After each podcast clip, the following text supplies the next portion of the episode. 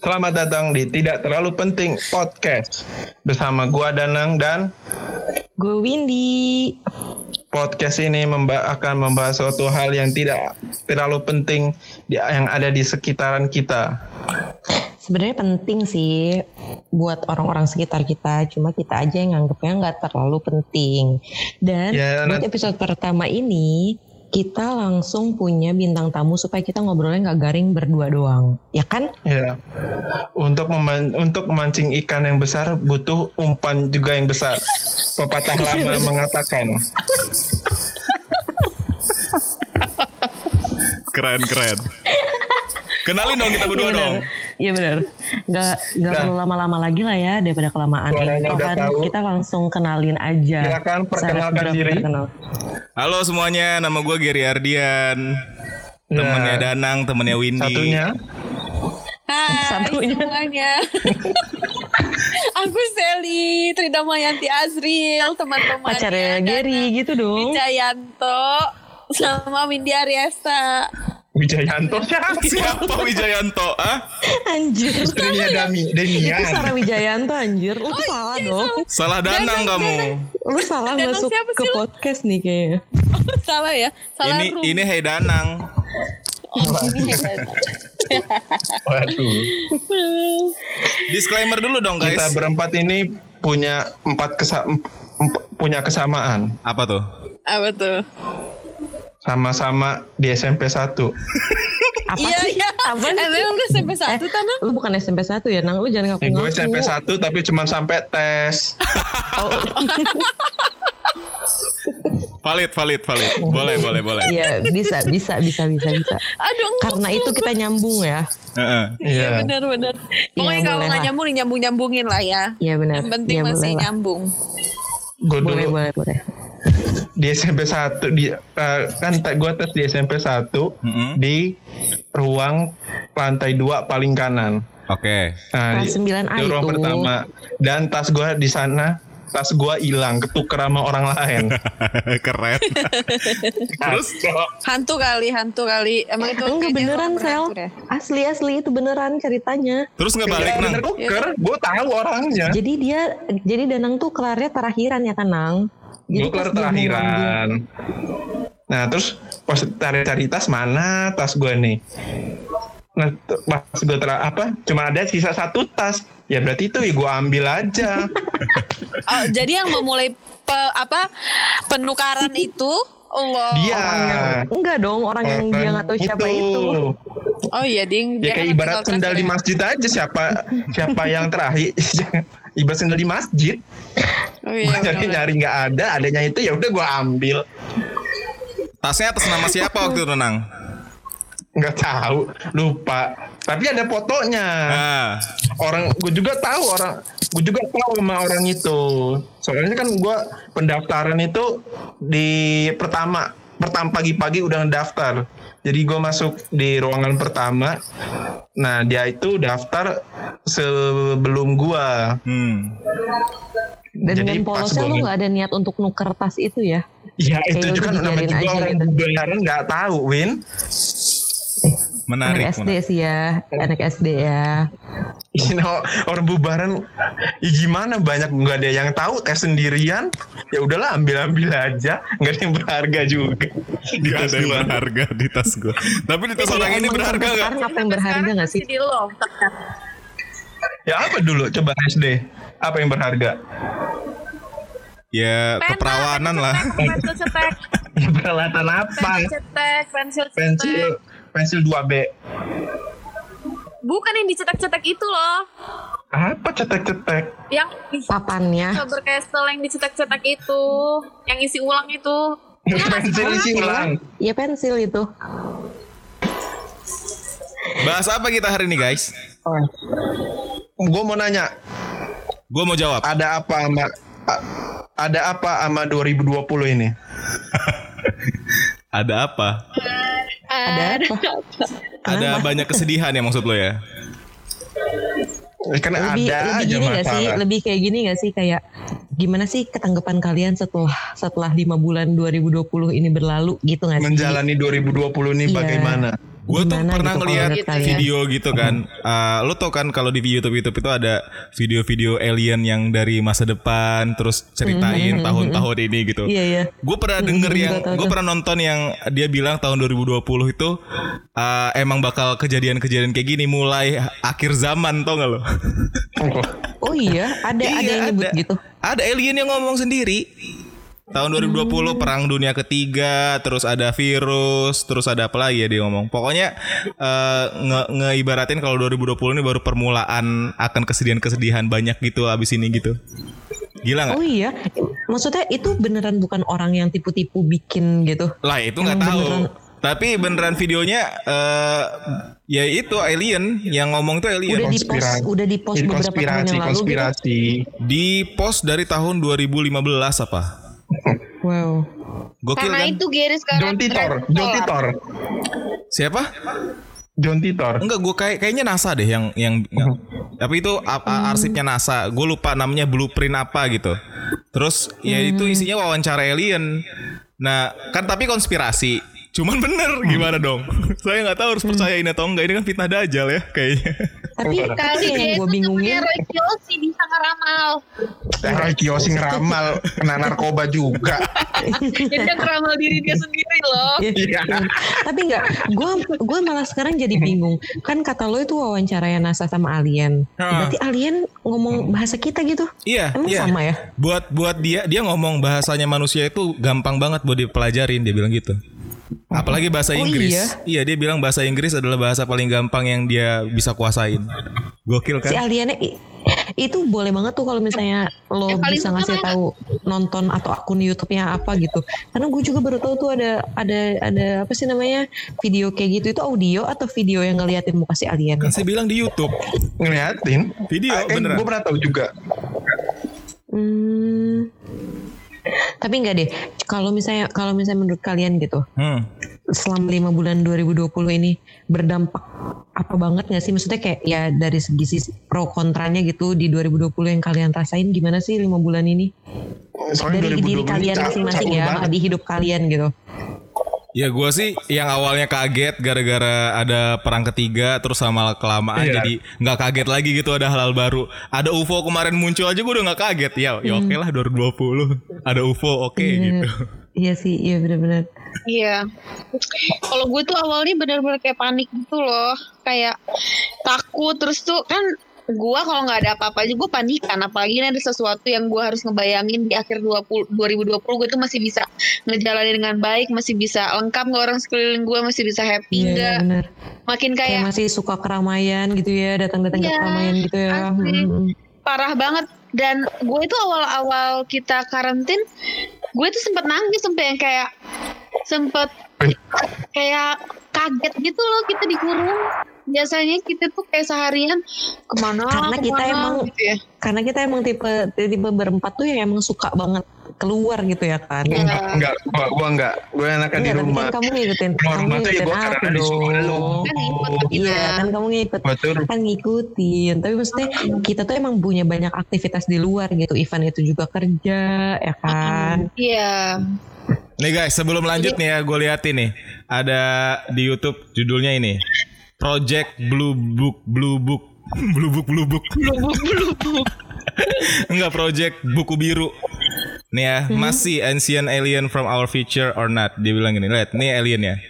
Beneran, 2016 cerita beneran dia ngomong 2000 berapa nih? 2016. 16 heeh. Tapi ini gua ini ini bukan bukan yang gue lihat waktu itu. Waktu itu lebih lebih muda dari du- 2016, 2015 atau 2014 mungkin. Ini si alien ini yang ngomong. Lihat kan mukanya? iya serem banget iya Gila kan? iya benar Dia ngomong eh, mana ya? Ada harusnya. Ya kalian kalau pengen nonton nonton lah ya di YouTube ada. apa apa nih Ger? Apa? bisa Channel pakai keywordnya tuh Channel. alien from the? Ya kan future orang kan ini audio enggak lihat. enggak enggak dia pakai keywordnya alien from the future Iya, gua Nanti gua akan carinya muncul beberapa alien from the video future. Benar. itu oncom Terus- Sabar dong, bapak yang punya podcast ini ngegas mulu dari tadi guys. Terus tau nggak? Dia tuh bilang kalau dia itu nggak dari luar angkasa. Jadi Dia itu dari bumi.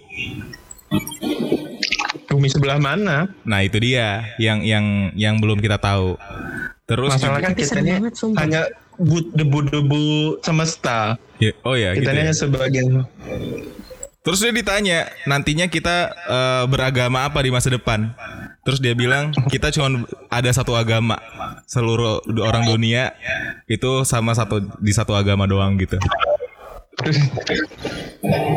Gokil kan? Tapi tapi ya nggak tahu sih ya mungkin apa apa karena emang kan kebetulan kebetulan kita kita berempat kan agamanya sama juga ya. Kalian jadi ngerasa nggak sih kalau ini berdampak juga nggak sih ke kalian gitu ya? Karena kejadian-kejadian selama lima bulan ini ya terlepas dari emang virus terus perang dunia ketiga atau konspirasi atau banyak banget tokoh-tokoh terkenal yang meninggal gitu kan. Ah, Nah, kalian jadi ngerasa takut ke secara secara psikis ya, bukan bukan secara fisik takut sama si penyakitnya atau sama wabahnya, tapi ke psikis jadi kayak punya ketakutan untuk meninggal, ngerasa siap atau enggak, terus kayak gitu-gitu nggak sih? Oh, Soalnya gue jadi kayak gitu loh, pasti gue. Kalau gue, kayak kayak kalau iya misalnya parah banget sih. Hmm, kalau misalnya gue tuh sampai mikir kalau misalnya nanti meninggal gimana ya terus kayak jadi takut karena imannya nggak nggak cukup gitu gitu nggak sih apa gue lebay Iya aja iya. Enggak, tapi, tapi emang iya Win. Gue tuh kayak mikirin kalau gue sih lebih ke orang sekeliling gue sih. Kayak oke lah kalau misalnya gue yang nggak ada gitu ya di dunia ini tuh ya kayak nggak nggak tahu ya apa yang terjadi. Tapi kalau misalnya jangan gue dong Sally aku sama siapa? Hmm. Iya, kan ada second Hmm. Ap- Sebel. kalau misalnya gue gue harus kehilangan orang-orang di keliling gue gitu kayaknya gue nggak nggak nggak tahu deh siap gitu belum belum belum belum mau Gue pun gitu, lo lihat nih, guys. Gua di dekat gue sekarang ada Al-Quran. tuh Gue baca Iya, tiap kan? hari. kan gitu gitu Tuh kan, berarti- berarti bukan gue doang gitu yang ngalamin sindrom ini karena gue sumpah ya gue tuh sampai gue tuh kalau gue kan kalau lo lebih takut diting, ditinggalin orang ya sel. Kalau gue tuh enggak gue tuh takutnya tuh psikis ke diri sendirinya tuh kayak gini loh kayak wah kalau seandainya gue itu salah satu orang yang meninggal juga nanti kalau misalnya itu bener gak ya kalau misalnya ini ini nggak ngebahas maksudnya gue ngebahas karena agama gue Islam gitu ya tapi terlepas dari agama kalian apa pun gitu nah kalau bener gak ya kalau kata orang-orang kalau nanti gue kena siksa kubur gimana gue kan banyak ngelakuin dosa mana gue jinah lagi pacaran gitu kan gue tuh sempat sampai kayak gitu kayak Sedang berzina. iya ya iya iya dong kan pacaran haram Emang harus lo upgrade lagi diri lo Win. Gue selain baca Al-Quran tau gak? Gue sampai baca Alkitab liat nih. demi apa gue punya Alkitab di rumah. Balance balance balance very very balance Gokil kan? Iya parah sih, gue cuma Al-Quran doang sih ya karena sesuai agama gue. Ya Gua tuh baca sampai- dong, cari sampai- tahu mana yang benar. ngertiin kapan kapan kapan ya gue selama 25 tahun hidup baca Al-Quran tuh sama baca artinya juga karena pengen tahu siapa tahu 2020 ini ditulisin gitu di Iya, Al-Quran. nah itu gue yang gue lakuin sekarang Win. Gue baca artinya, gue sampai tahu di Nah, Al-Quran ada ayat Muhammad mutasyabihat. Gue sampai tahu siapa eh, nanti nanti Nabi Isa turun nampilannya kayak gimana. Tahu nggak lo? Nabi kan? Isa kayak gimana turun Gua nanti? Lo harus mengenali lo. Kalau lo nggak kenal ini, dia, ini podcast perdana boy. tapi langsung baca konspirasi. Ini sahur. Tapi emang iya, enggak ini emang beneran pengalaman pribadi gue nggak bohong-bohong karena emang beneran tak- setakut itu. Iya, gue ngerti kok. Apa tuh? Udah. Oh iya, apa di bulan ini juga kita ada siapa yang meninggal di di Kempot. Ya sebelumnya Lalu Glenn gimana Fredly. Iya. Bulan ini doang, Biasa. bukan bulan ini doang. Lo harus sebutin dari Januari dong, Bang. Oke, kalau mau dirunutin emang 2020 ini banyak orang meninggal. Tokoh Banyak besar kejadian lah. tepatnya. Ya, Mm-mm. Banyak dari Januari eh, apa isu perang dunia ketiga bulan Februari eh Kobe Bryant meninggal juga Januari benar. Sama anaknya kan. ya Februari Ashraf meninggal Maret Corona masuk ke Indonesia April apa? April Glenn, Glenn meninggal. Mm. Dan awal bulan Mei ini tokoh yang benar-benar baru baru apa emang udah terkenal terus ke blow Hmm. up lagi kan terkenal Hmm. lagi itu jadi kempot juga ikutan meninggal Sampai gue Asli. juga lihat tuh Ger story lo yang lo bikin apa meme yang si Glenn Fredly bilang ayo kita nyanyi bareng Itu gitu. bukan meme Win, itu gambar. Iya, iya. Bedain meme sama ini. Oh iya benar. Itu, itu bukan Ilustrasi, meme. ilustrasi. Iya benar. Nanti kalau itu Iya benar. Iya benar, gitu. benar. Ya menurut gue sih Itu gue jadi keinget yang, ini. yang, yang dia bilang apa? Apa Ger? Teksnya Ger? Lo eh, ayo Ayo kita nyanyi bareng ya? eh, Apa mau nyanyi lagu tuh kalau nggak salah tulisannya ayo kita mau nyanyi lagu apa Pak D gitu. Mm, mm, mm, kayak gitu. Di akhirat guys. Ya menurut gue ya gue jadi keinget sama Mbah Surip dulu tau nggak kalau di di Kempot. Iya, percis. Iya. Percis Pas kan. lagi naik-naiknya meninggal. Nah, eh, jadi kayak Allah itu ngasih pahala dunia gitu ke dia gitu kayak apa? Iya iya benar. Eh, oh udah Hadiah udah gitu ya. ah, udah lama nih dia ber- berkarya gitu, udah lama nih dia berusaha. Jadi sebelum meninggal dikasih puncak dulu gitu loh. Iya iya benar. Puncak karir Dan banget kan sampai synchronize sampai dia diterima banyak orang gitu. Mm, mm, mm, mm. Mm, Dan dia juga baru jadi brand ambassador salah satu e-commerce juga loh. Bener-bener baru-baru ini sebelum dia Iya meninggal. benar benar. Ya pokoknya udah sampai puncak karir diambil sama Allah. Kan dia kalau misalnya di ngobam gitu ya, ada yang wawancara sama Didi Kempot, dia ngomongnya, saya juga nggak tahu ada apa tahun ini dengan saya, dia bilang gitu. Kenapa? Oh iya? na- apa? Kenapa anak-anak muda itu jadi mau mendengarkan saya gitu-gitu? Kayak dia sendiri mempertanyakan hal tersebut gitu. Hmm, hmm. Fun fact dulu Didi Kempot itu sempat ngebantu calon gubernur Lampung Oh ya? buat Siapa? kampanye. Iya. Ada. Soalnya dulu kayaknya bapak gue pernah dapet CD lagu Didi Kempot untuk kampanye si calon gubernur itu. Menarik. Tahun Udah lama, udah lama banget. 1830. Pada maghrib. eh tapi tapi ya nyambungin sama omongan lo tadi nih ya nyambungin sama omongan lo tadi kan kata lo kayak kayak emang Allah tuh ngasih hadiah gitu lah ya buat Iya. mereka yang kayak Mbak Surip terus siapa tadi Didi Didi Kempot, Kempot. gitu sebelum mereka meninggal btw lo juga tenar-tenarnya mulai dari 2019 ke 2020 ini loh Kayaknya Iya gue bentar lagi sih. Kayaknya gue bentar lagi. coy Bentar lagi makin. 2019 tuh blessing bener buat lo Ger ya. Iya Iya, asli, kan? asli. Hmm. Tahun 2019 kemarin gue banget sih. Gue tuh dapat momentumnya dari bulan September. Tiba-tiba dari September sampai akhir 2019. Eh enggak bukannya 2000 sebelum itu ya Iya, iya, dua- sebelum itu deh Ger September 2018 itu mulai momentumnya ada di gua. Nah, awal 2019 langsung tuh ada aja, ada yang baru, ada yang baru, ada yang baru terus buat hidup Iya gua benar. gitu. Iya Seneng benar. banget sih. Gue inget banget dulu waktu yang apa namanya lo followers lo yang bener-bener naik pesat banget iya. sampai lo tuh kita lagi ngumpul di mall dan kerjaan lo ngecekin handphone karena Lagi habis bener-bener nonton, lagi hitungan nonton. menit Lagi hitungan nonton. menit hitungan menit tuh yang tok tok tok tok tok naik Iya terus asli kan. parah itu gila sih. Gila sih. Dan alhamdulillahnya bukan cuma di satu platform doang ya. Kayak maksudnya bukan cuma di Instagram, Instagram, doang. ah. Tapi itu juga ngaruh kan sekarang kayak ke Youtube. Benar, gitu benar. kan. Sekarang subscriber gua malah lebih banyak daripada followers Instagram. Jadi ya, Hmm, kan. Iya benar. gue bersyukur karena itu yang dapat duit. Iya, iya. Itu yang bisa dimonetize ya. apa Ya. nang? Apa nang? Kalau misalnya YouTube lo udah 100 ribu, Hah? lo bakal ngelakuin ritual youtuber nggak? Apa tuh? Ngecat rambut. pakai bandana gua 100 ribu subscriber pakai bandana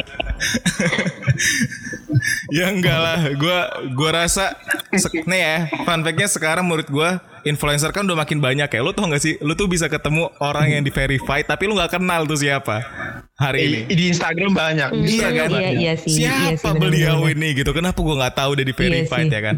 Nah, jadi menurut gua Iya, iya. seratus ribu sekarang itu udah bukan apa-apa. Kayak minimal lu kalau misalnya mau jadi influencer, mau lo di verified atau enggak, minimal lu punya satu Hmm. juta lah. Jadi kayak menurut gua, gua itu belum ada apa-apanya gitu loh. Karena kalau dibandingin sama influencer-influencer itu, uh susah bro. Gimana? Enggak, gue nggak setuju sih kalau misalnya lo lo masih bilang lo belum ada apa-apanya karena kayak gue aja tuh dapet cerita kayak gue ya Ger itu di following following followers lo itu adik-adik tingkat gue Ya. yang mereka tuh nggak tahu nggak tahu lo tapi ada beberapa orang yang ngupdate apa ngupdate kalau dia tuh suka dengerin lo gitu. Makanya kayak beberapa waktu yang lalu gue tuh ngupdate kita bareng supaya mereka tuh tahu hello yang lo update itu temen gue gitu. Sumpah. Itu Nora itu Nora Win. Itu Nora. tapi iya bener-bener bener itu ada tingkat gue terus kayak teman-temannya adik gue juga tuh kayak kayak dan termasuk adik gue juga ya. Mungkin karena itu relate kali ya topik yang lo bahas itu jadi Gua rasa mereka tuh gua yang tuh- emang ngedengerin Iya. gitu Gue tuh bukan influencer yang kayak diikutin karena guanya gitu, tapi karena isi Karena otak lo punya gitu. dia Iya. relate banget Karena lu punya karya Ger. Konten jadinya yang di mereka itu ikutin. Iya. Gue kalau misalnya Iya, nge, apa nge, nge tap search, searching Instagram gue, kalau misalnya nge-random pick aja, ini siapa orang ini? Terus Ya, ya gue bingung aja gitu. Ya udah dapat veri- apa? Gue nggak kenal dia siapa, ada verified. Iya. Modal gambar gambar model gambar tete doang. iya makanya kan if you if you not have big boobs, you should have big brains. Iya. Kalau lo nggak punya tete gede, otak lo harus gede. Udah, itu doang sekarang. Iya. Jadi tab searching gue isinya kayak gituan semua. Gimana kali itu? Kayaknya Lalu juga sekarang sama kan? Iya gue juga sama Kayaknya emang Karena TikTok lagi merajalela ya Terus Iya, orang-orang iya, benar. lagi pada ngeliatin TikTok Jadi Terus following gue juga kan temen-temen cowok banyak kan Jadi Cowok-cowok Hmm. itu pasti ngeliatin cewek-cewek kan Jadi gue aduh Ini siapa yang harus gue unfollow sih Biar explore gue ini berubah Iya gitu bener-bener. Cuman Tapi ya emang sih Masa. Tapi emang sih. gimana? Apa nang?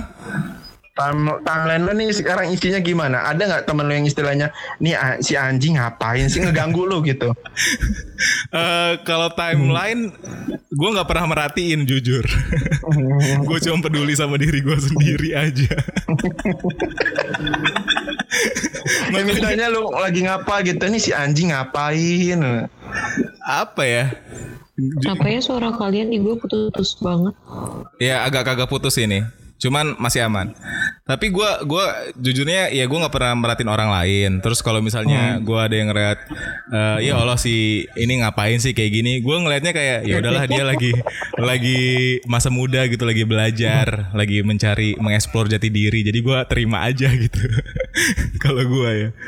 Kayak ya udahlah gitu. Yang penting dia happy lah gitu. Tapi lu termasuk orang yang ngikutin nggak? Yang maksudnya ngikutin yang kayak lagi terbaru sekarang gitu ya. Banyak banget kan selain orang-orang selain masalah corona dan orang tokoh-tokoh besar meninggal kayak banyak juga gitu kejadian-kejadian yang lagi happening kan di bulan-bulan ini. Lo ngikutin juga gak sih Ger? ngikutin cuman sebagai referensi gitu loh apa yang harus gue lakuin ke depannya gitu. Kayak misalnya kemarin kan gue bikin uh, po- postingan-postingan di Instagram kan gue pakai template yang ada Twitternya gitu kan. Kayak Hmm, oke. ya kan gue gue bikin konsepan visualnya itu kayak itu dari Twitter terus ada background Yang di repost jadi kayak biar di, ke- Iya. bisa kelihatannya kayak lagi nge-repost gitu ya. Yoi, nah itu gue observasi apa nih yang lagi happening gitu, yang bakal diklik sama orang itu yang kayak gimana gitu-gitu. Jadi menurut gue waktu itu Berarti kan termasuk bahasan bahasan yang lo bahas di setiap podcast yang lo upload di YouTube atau misalnya Hmm. di Instagram lo itu juga yang relate sama apa yang lagi sekarang ini atau enggak? Iya dong. Karena karena kan menurut gua hari ini kita itu ngejalanin sesuatu passion aja nggak cukup guys. Kayak lu tuh kan kan gua eh, taunya ikigai ya. Pernah dengar kan ikigai? Hmm. Jadi ada empat faktor yang bakal ngebuat lo sukses dan itu nggak passion doang. Jadi lo tuh harus ngelihat pasar tuh kayak gimana. Apa yang lo lakuin ini dibutuhin sama orang atau enggak, bisa jadi pekerjaan atau enggak gitu. Passion mah cuman sebagai segelintir doang dari apa yang bisa lo lakuin gitu. Jadi kalau misalnya keempat aspek purpose of life itu atau iki- ikigai itu udah kecapai baru lo bisa tinggal resilience saja, tinggal disiplinin aja gitu. Kalau itu nggak lo pikirin ya ya udah, lo cuman suka melakukan itu doang, tapi lo nggak mempelajari gimana ini biar bisa berkembang gitu. Iya benar, itu benar banget, setuju sih. Itu juga tuh, itu juga yang harus jadi kayak pembelajaran buat kita juga nggak sih Nang sebagai podcaster baru ya kan. Jadi bukan, Waduh. ya emang maksudnya ya emang kita tuh nggak cuma sekedar passion suka ngomong doang gitu, suka ngobrol doang, tapi ya harus pentingin tiga aspek lainnya itu tadi. Yo, i- ikigai guys kalau misalnya mau cari tahu. Hmm, gitu. Tapi tapi Ger, kalau misalnya apa selama selama lo empat empat bulan empat bulan lima bulan ke belakang ini setelah corona ini setelah social distancing setelah lo karantin di rumah lo gitu ya berubah gak sih sistem pola kerja lo ada yang turun apa maksudnya kayak dari segi income dari segi produktivitas kreativitas nurun gak sih Kalau pola kerja kurang lebih sama. Kalau karena kan gue sebelum corona juga work from home kan. Kerja gua- kerjanya di rumah. Yo, kerja Bang gue di rumah. terus. Betul, kerja gue di rumah. Jadi itu sih nggak nggak terlalu berpengaruh. Cuman gue kalau gak dengar suara kalian dengar nggak Win? Gua kedengeran nggak? Dengar dengar. Dengar. Sally dari mana sih? Oh bisa benerin itu abang. Eh, Oke, abang baru sunat ya? Hmm. Udah baru nangis dia. Baru nangis. Menarik. Gak nangis sih kayak baru sakit sakit sakit gitu. Karena habis bersihin. Itu sakit banget tau. Asli. Yang lanjutin tadi Ger. Iya, iya, itu maaf, ada maaf. lagi. Jadi ngomongin sunat. Iya, nah bener. tadi gue sampai oh gue gua kalau pola kerja sih nggak nggak berpengaruh banget. Tapi kalau income lumayan bro. Gue kehilangan berapa ya? Pokoknya du- postpone atau cancel tuh postpone. Tapi ya kan nggak bisa diapa-apain. Apa namanya? eh yang bulanan klien gue yang ngasih duit bulanan hilang dua, hilang dua. Jadi wow lumayan. karena mereka juga bingung gak sih Ger Iya mereka pakai memakai jasa lo sebenarnya butuh tapi ya income mereka juga turun kan Bener, jadi emang mau nggak mau dampak corona aja gue emang semuanya emang ini gue udah bersiap-siap aja gitu. Makanya jadinya YouTube gue jadi makin sering upload gitu untuk menutupi itu. nah kalau kreativitas gue malah nambah win menurut gue karena iya ya bukan Eh, malah stuck ya Nggak, nggak stuck karena orang-orang jadi terbiasa sama dunia digital kan. Jadi mereka juga di rumah doang. Konten gue jadi makin Hmm. Sering ditonton ya, gitu-gitu. menurut gue gini sama juga nih sama apa next topik yang kita bahas ya kan lo tadi bilang kalau kayak orang yang emang udah biasa kerja dari apa Dari apa yo? kerjanya tuh pakai sosial media gunain sosial media Hah? ngerasa kalau apa income oke lah turun. Tapi kalau kreativitas malah nggak tumpul gitu. Malah dengan di rumah aja jadi nyari nyari nyari supaya nambah nambahin income gitu kan. Benar. nah ini tuh berarti lo setuju nggak sih sama orang beberapa orang yang sekarang itu ngegunain sosial media itu ya jadi emang bener-bener supaya terkenal supaya ya nambahin income itu tadi yang tadi kata kita bahas juga kan kalau apa banyak akun-akun verified yang bahkan lo juga nggak kenal mereka tuh siapa gitu Iya iya. Ya Ya karena kan kecuali pasarnya di sini jadi jadinya jelas gitu kalau misalnya semua orang makin naruh perhatian ke sosial media ya emang harus digempur aja berarti gitu. Karena kesempatan yang tapi baik. malah tapi malah kalau menurut gue sekarang ya dibanding dibanding awal-awal era-era YouTube di 2017 2018 gitu ya Ya. orang-orang yang panjat sosial pakai bikin apa sih bikin apa sih namanya kalau misal kayak panjat sosial tuh kayak dia bikin kasus gitu supaya terkenal Oh, itu malah skandal. semakin sedikit nggak sih Mm, Iya, malah iya. makin sedikit ya kan Gue gua nggak tahu Kayak- sih. Gua gua gua percaya kalau misalnya ya mau good news atau bad news it's still a news gitu. Jadinya kalau misalnya Hmm. mereka mereka itu juga pasti gua rasa memandang hal kayak gitu juga. Kayak mau mau dihujat mau gimana pun mereka tetap diberitakan. Makanya mereka melaksanakan hal tersebut gitu. Kayak nih Ferdian Paleka. Ya kan? Ah, youtuber itu menurut gua abis keluar keluar penjara menurut gua dia bakal terkenal. Bakal naik dia punya kasus. nah Terus Eh, sekarang pasti dia bakal diomongin. yo Iya, terus tuh orang kayak eh, mulai empati karena dia dapat peruntungan karena dia kan. digebukin iya benar-benar Setelah benar itu. Iya. by the way suara bisa kamu jelek Sally Bisa mem- membalikan. Sally Sally suara kamu Jelek jelek banget suaranya. Ah, ah. headsetnya sih ini kayaknya Sekarang headset kamu ganti kalau dibuka aja baik saya tidak akan memakai headset. ya iya benar tuh benar-benar Begitu. kayak gimana soalnya Sel kan Sally kayak- tadi Sally belum apa gimana Sel Mm-mm. Eh, tadi gue ngomong apa? Oh iya, karena eh, kalau misalnya nanti dia udah keluar penjara, dia bakal dapet simpati masyarakat. Karena sekarang itu kan orang-orang tuh lagi kayak kasihan juga ya dia di tahanan bisa diperlakukan sebaik mungkin gitu. tidak dimanusiakan gitu lah ya. Iya, Iya. tidak dimanusiakan. Malah sekarang kalau nggak salah udah sampai ke Komnas HAM deh. Mm-mm. Dan banyak juga kan kalau gue sih kayak baru tadi sih kayak tadi sore deh gue baca di Twitter yang bahkan orang-orang tuh malah nggak setuju sama undang-undang ITE yang karena dia uh, ada kena ancaman kira-kira sampai 12 tahun penjara. Cuma bukan cuma sih ya gara-gara kasus dia upload yang video itu gitu. 12 tahun penjara loh. Itu kan lama banget. Asli. Lagi dia Iya sih. maksudnya kayak kayak masa mudanya dia yang harus berkembang tuh ya hilang gitu aja gitu kalau emang bener putusannya 12 tahun kan. Mm-mm. Betul. Iya kayak gitu. Nah itu juga maksud gue itu juga sama kayak beberapa gitu ya. Menurut gue entah kalian ngerasa juga gak sih kayak netizen Indonesia tuh ya makin parah nih contoh nih ya. Kalian tahu kan si KKI lah, si Cimoy, Ah. terus apa drama Korea yang lagi happening si The Word of Merit itu gitu. Yang mereka si netizen tuh benar-benar bisa ngehujat sampai ngebuat orang tuh sakit mental gitu loh. Yoi. Karena menurut gua kan lagi puber, Parah-parah banget sih. lagi puber sosial media. Mm-mm. Ditambah lagi Gini, era gini gini gini gini gini gini. Kayak kan di era 4.0 ini orang-orang kayaknya bercita-cita untuk jadi influencer gitu. Ah. Jadi mereka mereka caper. Yoi, jadi mereka punya social tools tapi nggak punya social skills, paham nggak? Iya benar.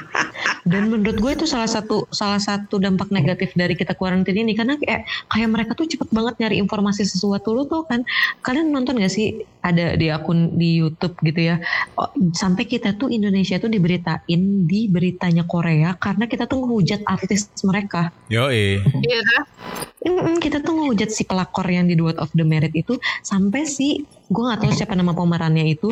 Dia tuh sampai nyari tahu apa arti pelakor apa artinya apa artinya nikung apa artinya jahat yang gitu-gitu. Karena dia tuh nggak tahu si kita tuh netizen kita tuh komen apa di Instagramnya sampai spam. Jadi dia bisa bahasa Indonesia sekarang ya?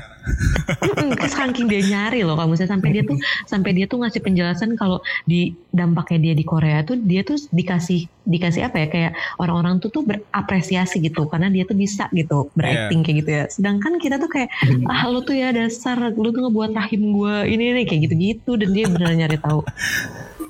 Iya, gua itu parah sih. Gue sih ngelihatnya ya gila sih emang eh, gelombangnya terlalu besar gitu datangnya tiba-tiba apalagi difasilitasi dengan aplikasi yang emang ngebuat suasa- eh, suasananya itu ringan aja gitu loh. Paham kan? Kayak TikTok itu tuh sekarang terkenal karena dia tuh ringan banget. Semua orang bisa masuk gitu. Nah karena semua orang bisa masuk menengah ke bawah juga jadinya eh, menganggap hal tersebut adalah hal yang lumrah gitu loh. Ya tadi gue bilang punya social toolsnya tapi social skillsnya nggak ada gitu. Jadi kayak orang-orang pengen jadi influencer. TikTok ngasih nih media gua bisa bikin lo kayak lo itu kayak influencer gitu. Mau gue memperlakukan lo sebagai content creator gitu. Sedangkan dampak di belakangnya gitu efek sampingnya gitu ya mereka mereka berusaha bikin personal brand tapi lupa kalau misalnya untuk bikin personal brand mereka tuh juga punya mereka tuh juga harus punya personal capacity gitu.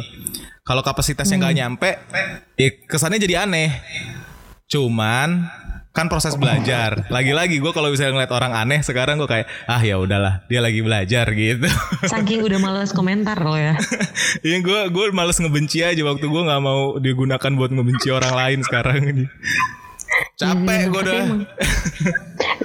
soalnya itu banyak banget banyak banget juga yang lagi happening. Selain itu eh, kalian ini juga nggak sih ngikutin yang eh, apa namanya banyak banget yang tadi kan kata Danang apa 4.0 ini ngebuat orang-orang banyak yang caper banyak yang pengen jadi influencer Ah. sampai karena itu karena mereka mungkin mungkin karena mereka udah nggak dapet income dari real life-nya mereka jadi mereka benar-benar gunain si sosial media itu itu juga berdampak sama kayak komika-komika yang mereka nggak bisa tampil sampai akhirnya mereka tahu nggak sih kalian yang apa mereka tampil tapi kita harus bayar supaya bisa nonton aplikasinya itu Iya tahu. Mm-mm, berbayar itu dan sekarang tuh banyak banget orang yang nonton terus sama mereka di upload jadi ada beberapa akun akun Nah, akun Ger. YouTube yang nge-upload video-video Lu yang punya karya gimana menurut lu soal re-upload? Mm-mm. nah gitu gue mau nanya itu Kalau gue jujur, kalau gue eh, nggak nggak nggak keberatan kalau gue, karena kalau gue udah ngelempar karya gue ke internet, gue udah tahu resikonya, gue udah tahu pasti bakal di reupload, ba- bakal di cover sama orang, bakal, Mm-mm. ya gue udah tahu resikonya. Atau kopi. Iya. kalau lo gimana sel Jadi jadi- dulu belum selesai. Jadi gue nggak masalah soal itu. Tapi yang gue lihat kayak misalnya komika, gue tahu bikin jokes nggak semudah gue bikin puisi, paham gak lo? Terus kalau misalnya gue, kalau puisi gue nih ya, kalau puisi gue di cover sama orang lain gitu, Eh, atau isi podcast gue di cover sama orang lain, gue masih bisa bawain materi itu kapan pun gue mau, karena mereka tahu Tanpa- itu punya Tanpa gue. orang itu nyantumin sumber lu. Iya, nggak masalah gitu karena eh menurut gua gua udah bikin pu- puisi gua tuh berkarakter seperti oh kalau misalnya orang tahu nih kalau misalnya puisinya begini, ini puisinya Gary gitu. Gue bisa gitu dan dan pun gua ada di off air, gue disuruh bacain puisinya dong gitu ya. Gue bacain puisi yang mana pun orang bakal terima itu puisi gua gitu karena ada di buku, ada di Instagram gua gitu-gitu lah pokoknya ya. Eh, buktinya itu bisa dibuktikan gitu. Nah tapi kalau misalnya kayak komika kan eh, mereka udah ngeluarin jokes sekali, bisa jadi jokes itu nggak nggak mempan lagi kalau dibawain gitu kan. Kalau orang-orang udah tahu. Nah itu gua jadinya empati gitu kayak maksudnya wah kasihan juga nih kalau misalnya dibajak-bajak terus gitu yang dari sisi reupload reuploadernya meskipun mereka punya usaha untuk eh, apa namanya eh membuat konten itu diperbarui lah ibaratnya untuk jadi kontennya mereka gitu ya tetap aja nggak bijak menurut gua kalau misalnya ah, konten-konten itu tersebut nantinya bakal buat mereka jadi ngasilin duit paham gak sih Hmm. Kayak Iya, iya. kan bukan Itu karya lo anjing Ya gitu karena kalau re-uploader tuh easy money. Mm-mm. Karena kan Mereka contoh ya, kalau mereka yang re-upload, mere-up, mere-upload ya di Instagram, mereka kan bisa dapat paid promote tuh. Mm-mm, Kalau itu misalnya di sih YouTube, Iya. mereka bisa monetize kan si itunya. Nah, lu masalah nggak sama itu? yang yang yang kemudian sebenarnya kalau dipikir-pikir lagi itu tuh mereka tuh sama aja kayak media mainstream sebenarnya kayak emang menurut gua mau nggak mau kita harus beradaptasi sama sama zaman ini aja gitu karena eh sebenarnya dari dulu kan media udah ada nih TV, radio segala macam. Mereka juga ngambil konten kita. Mau bu- mau bukan dari reuploader ini juga mereka tuh ngambil konten kita gitu. Cuman kita seneng karena eh itu nge- ngebangun nama kita karena orang kalau ngelihat oh masuk TV nih ya kan kayak gitu. Tapi kalau misalnya oh masuk drama Twitter nih, oh masuk kerecehan Twitter nih, Jadi ya orang kayak ajang biasa aja marketing gitu. lu juga ya nggak sih? Iya iya benar jadi ajang marketing kalau di- dilihat dari sisi positifnya gitu. Mm-mm. Ya sebenarnya sih sama aja makanya gua gua jadi kayak udahlah gua nggak nggak nggak masalahin karya gua diambil karena uh, gua tahu resikonya dari sejak awal gua nge-upload itu ke internet gitu. Hmm. Jadi menurut gua eh, yang berkarya juga udah harus memilah-milah konten mana yang bisa dia masukin ke internet, konten mana yang enggak gitu. Benar. Harus beradaptasi. Dengar nggak? Iya. Harus beradaptasi menurut gua. Kalau Sally tadi gimana? Ah, iya ya itu tadi aku, aku cuma ngomong dari uploader itu mereka itu mau easy money aja gitu. Karena ya dulu juga kita sempat kan akhirnya apa kita bikin uploader aja ya gitu. Cuma mau naikin followers gitu. Tapi kan setelah dipikir-pikir ngapain ya kita nggunain karya orang terus itu kita cuman ngambil nyomot nyomot nyomot terus mereka sebenarnya rugi gara-gara kita. Ada orang juga yang rugi karena dia harus bayar Nah, menurut Iya gua kan? nih, menurut gua kan kita eh, ada di fase ini ya. Ini kan fase kan. Nanti juga bakal lewat lama-lama. Karena eh lama kelamaan influencer yang beneran punya karya itu bakal makin banyak. Jadi Mhm. orang tuh nggak ada lama kelamaan orang tuh bakal karena udah beradaptasi, belajar, berkembang ya kan, udah tahu apa yang harus dilakukan dan enggak gitu ya. Lama kelamaan yang reuploader ini bakal bakal hilang menurut gua karena karena eh, orang jadi makin menghargai karya ke depannya. Gue malah ngarepnya fase sekarang ini tuh udah lebih buruk aja kalau bisa. Makin banyak reuploader terserah dah gitu ya. Sampai orang-orang tuh bete sendiri gitu ya kesal sendiri gitu lama-lama. Kalau udah gitu baru ada kan eh, pergeseran perspektif gitu untuk bikin kayak oh reuploader nih nggak bener sebenarnya gitu.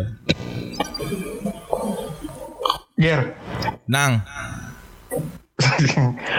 gue beberapa hari ini mantengin apa Instagram lo. Oh observasi ya. Lu Gokil lu observasi. di situ lu di situ nambahin paid promote lu tuh kayaknya lu naikin level. Oh ya. Tuh tuh gimana ceritanya itu? Oh ini di di Instagram apa namanya di story ya. Iya. Sebenarnya awalnya gara-gara gue punya gear baru kan. Menurut gue eh, sayang kalau misalnya nggak dimanfaatin. Jadinya terus karena gue lihat eh ya tadi selebgram tuh makin banyak terus mereka punya sosial toolsnya tapi nggak punya sosial skillsnya. Gue ngerasa gue harusnya bisa ngasih yang lebih nih di- dibanding mereka-mereka yang eh, belum belajar soal itu gitu. Jadi gue tahu ke- eh, nilai diri gue di suara. Gue tahu eh, beberapa tahun terakhir gue belajar soal videografi gimana caranya bikin video yang bagus gitu. Jadinya gue lakuin aja karena menurut gue itu yang bener untuk dilakuin sih jadinya orang nggak tahu Windy sih Iya. yang sering Tapi ngomenin Karena- banget sih, ini, ngundang karena- karena- orang buat pengen buka gitu. Iya. Karena buru Gary kalau misalnya langsung nih ya Gary nge-review tuh kayak kayak kurang gitu. Tapi kalau dibantu sama video sama suara dia langsung kayak iya gue benar ngerasa, benar gue gue ngerasa sih daripada ya pak kalau lu misalnya ngeluarin template gitu, gimana template endorse gimana? Hai guys gue lagi nyobain ini nih dikirimin dari Gue dikirimin ini nih. ini tuh Karena kalau gue gimana nang gue Iya, gue kayak- kayak mereka- gue skip, gue skipnya lu sel. Ya dah. Thank Iya. you. Kalau jahat sih nang. Gua apa-apa dengerin itu. Ah, ah, udah. Bagus Karena udah tuh. tahu ah ini dah. Karena gue udah tahu aja Sally. Oh Sally dapat ini. Oke, langsung geser. Jadi lo nggak tertarik gitu ya beli gara-gara video gue? Iya. Oke, gue harus review.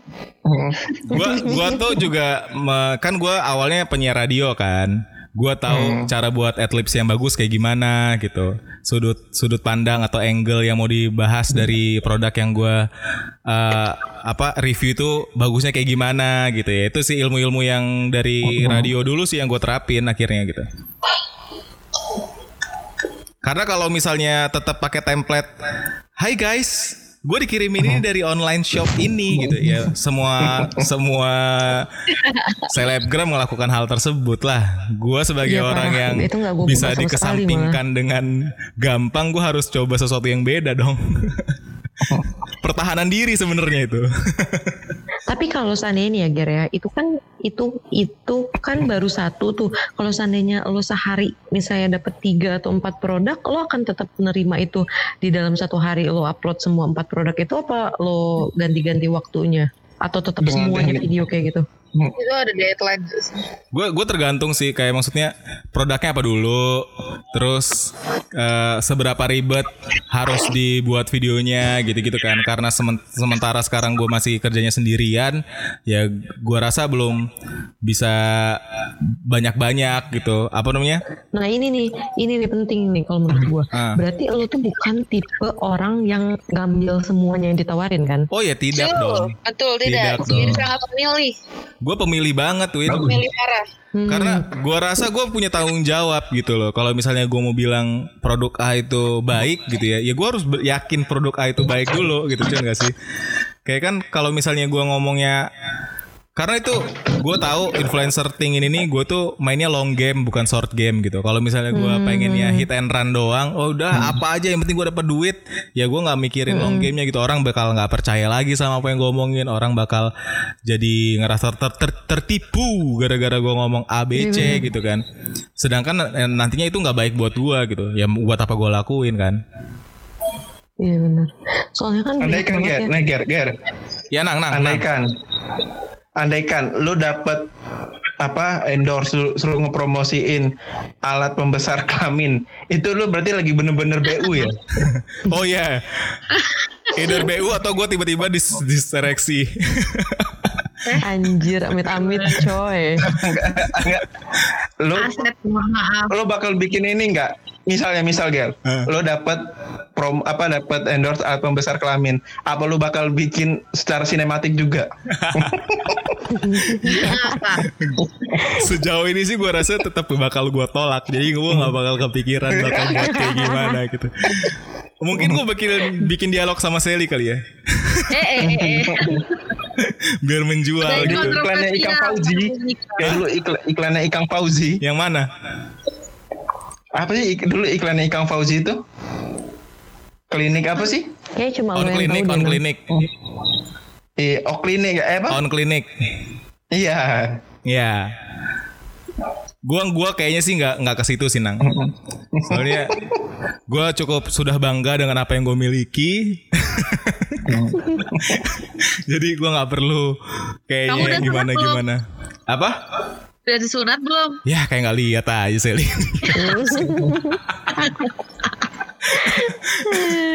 Pengalaman sunat lu gimana Ger? Lu nangis nggak? Gue nangis gue nang parah nang.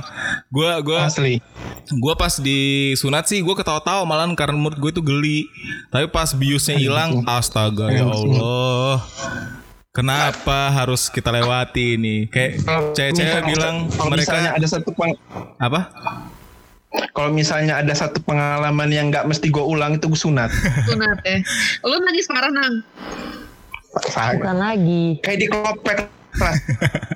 Iya, Sel. Asli kayak di klopek.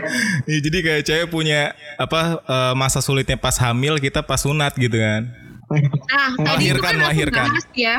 Itu kan bahas sama apa kakak ipar ya. Terus kemudian gini, ya bedanya kalau misalnya orang hamil dia itu nggak perlu dibawa nggak dikeluarin air air seni gitu kan. Kalau Ah. misalnya dia lahiran normal, udah selesai di hari itu. Tapi kalau kalau sunat itu dia harus berhari-hari sampai dia kering. Iya. Lumayan itu. itu. sakit. Parah Tapi sekali. kan itu. kalau sunat kalau sunat sekarang kan nggak kayak dulu nggak sih? Kayak sehari Iya. dia udah kering gitu kan. Ya, gua gua ngelihat abang yang sekarang tuh kayak lebih lebih canggih aja sih. Gak perlu sakit di awal tapi di akhir. Tau gak dulu gue beberapa hari Tapi setelah itu nggak nggak parah banget sih. Nah, dulu gue pas beberapa hari setelah sunat gitu ya, kan gue masuk sekolah akhirnya kan. Habis itu teman gue iseng, Ger mau cepet sembuh nggak? Lu, Dia bilang lu gitu. sunat umur, umur berapa? 4 SD. Hmm. Muda Lu amat. andanang dong berarti. Iya. Gue kenaikan kelas 6. Lah abang kelas 2 Nggak apa-apa, nggak apa-apa. Deh. Bagus, bagus. Gue dulu waktu kelas 4 Menurut gue dengerin guys, gue lagi cerita. Beberapa Iya, hari, iya, boleh. beberapa hari kemudian temen gue ngomong, eh eh, kalian mau, eh apa Ger lu mau cepet sembuh nggak? Terus dia gue bilang, ah gimana? Dipencet dong titik gue sama dia. Gila deket banget gak sih? Wah berantem lah. Gila sih Bentak nggak? Enggak, Penting gak sih pertanyaan gue? enggak sih. gue dulu tuh sunat tuh sampai apa kencing tuh susah gitu. Kayak anyang-anyangan tapi enggak. Sampai kayaknya mau kayaknya nangis gue ya lo kok kencing susah? Betul. Nah, itu kayaknya tuh selain gitu sunat kencing batu lu kayaknya. Dia canggih ya. Dia pipis Pipis Pipis Dia nggak nggak nggak sakit Paling cuma dibersihin aja yang, yang sakit dia Ya, jangan dibersihin dong, Sel kan nanti infeksi. Gimana sih? Ya tidak, Nggak, ini kan ini kan beda ya yang zaman dulu sama zaman sekarang ya Giri ya. Ini zaman sekarang itu emang dia di klep gitu kayak pasang alatnya. Jadi dia udah bisa pipis nggak sakit, tapi emang nggak kena air. Nah Oh. dibasahinnya cuma kayak pakai cotton bud sama cotton bud sama apa sih itu tisu kasa itu loh. Coba buat buat ngeluarin air ya udah gitu doang bersihinnya sama dikasih betadine. Menarik, menarik. Jadi pengen sunat kayaknya lagi. gue dulu tuh seminggu kayaknya gue dulu tuh seminggu loh baru bisa pakai celana Nah ini dia pakai celana celana itu celana apa? Celana Batok sunat, itu. Apa sih? iya. Celana Celana sunatnya batoknya. gue Iya. gue pernah gue dulu sarungan sama di apa disanggahin pakai sabut kelapa Aduh. Pegang dulu. Ketahuan banget. Ketahuan banget. kelas ya ya. Terus terus dulu kulit sunat lu direndang nggak? Eh, lucu banget. Gue ngebayangin ini ya, punya abang itu kayak kulit ayam yang hitam itu kampret gila. Mirip banget. Serius, ada, merhatiin sih Sel? ada soalnya dibawa pulang. dia kasih tahu sel Iya, dibawa pulang nih mau lihat nggak? Digantung Enggak nggak? Digantung nggak? Di samping biawak. Digantung samping biawak. kayak kayak lonjong gitu, lonjong terus kayak kulit Asian, kulit Asian yang yang kulit Sempat FYI banget loh Sel. Digantung Tahu samping nih, biawak kamu, kulit Seli. Sekarang itu recovery-nya lebih mudah. Oh dia ya. kayak oke. cuma empat hari, empat hari itu udah bisa bisa beraktivitas lem eh, dengan nyaman Enggak lagi. Kalau Sepupu tadi, gue tuh empat hari itu udah masuk sekolah lagi Sel. Hah? Udah bisa masuk sekolah lagi se, se secanggih itu zaman sekarang tuh. Menarik. Iya, secanggih itu. Oke deh. Terus di polanya bentuk mawar nggak? Oh iya, ngakaknya eh mau tau gak ngakak di tempat sunat itu di iklannya paling terakhir bacaannya membuat lebih estetik. Gak? Keren estetik. Ini gimana? Eh, gue kirimin ya. Ya nggak udah ya. Nggak penting sel. Nggak ada yang pengen sunat lagi loh Sel. Enggak, gue itu lucu Ini. banget. Enggak, gue lucu. Waktu gue ngeliat iklannya itu kok lebih estetik. Ya apa estetik? Dan lu sempet ya motoin, lu sempet motoin tuh iklan. Bukan karena di fotonya itu ada di situ. Saya foto ada ada banner ya. Foto abang tuh ada banner ya. Menarik. Ya, lu lihat kalian lihat deh semua di grup ya. Testimoni, testimoni nih. Sabar. Ini penting banget sel. Aduh, Nggak- oh. Dia nggak butuh. Iya udah. Seli nggak bisa nggak bisa dilarang. ini Inisiatif dia terlalu tinggi. ai kok. Udah, udah, udah, udah. Suka orang lihat, ge. Nggak pengen lihat loh Sel. Ih. Dia ngeliat. Iya kan? Dan ada Iya foto Pi? abang dong. Iya, Iya, iya, ada. Sel. Itu lebih estetik. Oke. Kayaknya kita sudah harus sudah ini bahasan sunat. Iya. Udah mulai ngilu. Dan dan kayaknya emang udah selesai juga sih bahasan untuk segmen satu itu, segmen satu ini. Menarik. Yang tadinya bahas Iya nggak? konspirasi, bahas influencer, diakhiri dengan bahasan sunat. Menarik Iya sekali. bener. Semoga ini penting ya buat kalian yang dengerin. Iya, siapa tahu ada adiknya yang yang takut sunat.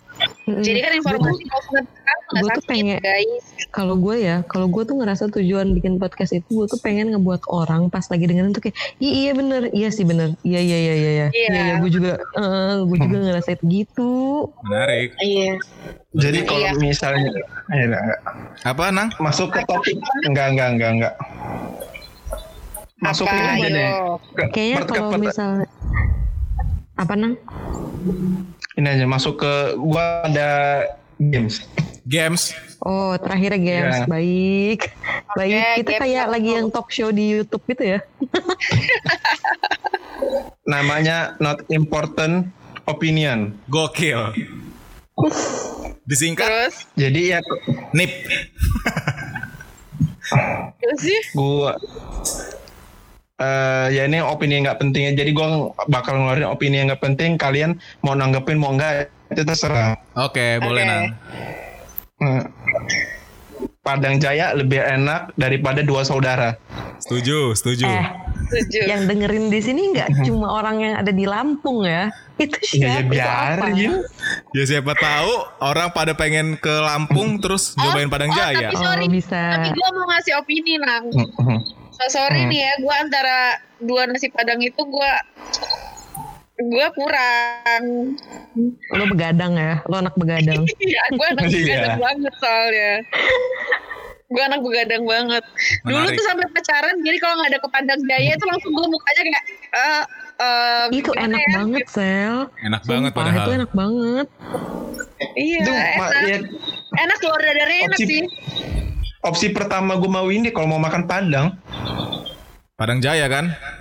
iya Ya, kita nanti makannya bertiga aja, Sally nggak usah diajak. Eh, eh, eh. Sally gua drop di Begadang, kita ke Padang Jaya. tapi suka Iya, tapi kalau misalnya disuruh disuruh pilih antara dua itu ya Padang Jaya Oke, next op- not important Impor- opinion. Iya, iya. Ya, kalian ada nggak Ada, Oh, ada. Ada. cuma satu. ya eh, tapi sebelumnya no offense ya buat Padang Jaya Anjir. sama dua, saudara abis itu gue langsung Iya, dihujat lu. Ada tim No Padang offense, Jaya. Pada komen. Iya. Padang Jaya mania siapa tahu ada. Gue gue gue gue ada ada not important Ya. opinion. Ah. eh menurut gue sekarang eh, anak-anak itu lebih dekat sama influencer daripada orang tuanya. Waduh. Lebih dekat apa? Anak-anak zaman sekarang lebih dekat sama influencernya mereka daripada sama orang tuanya masing-masing. Iya karena Sekarangnya tuh sekarang anak-anak Mei lebih dekat daripada 2020 gadget daripada orang tuanya. Yo, Gue malah gak setuju kalau Gitu sekarang di Mei 2020 Kenapa Win? Karena gara-gara kuarantin ini semua oh, Hmm. terutama buat orang tua yang emang dia work from home ya, heeh. itu benar-benar quality quality time banget gitu. Ya, untuk Asli. untuk anak-anak yang punya keluarga harmonis.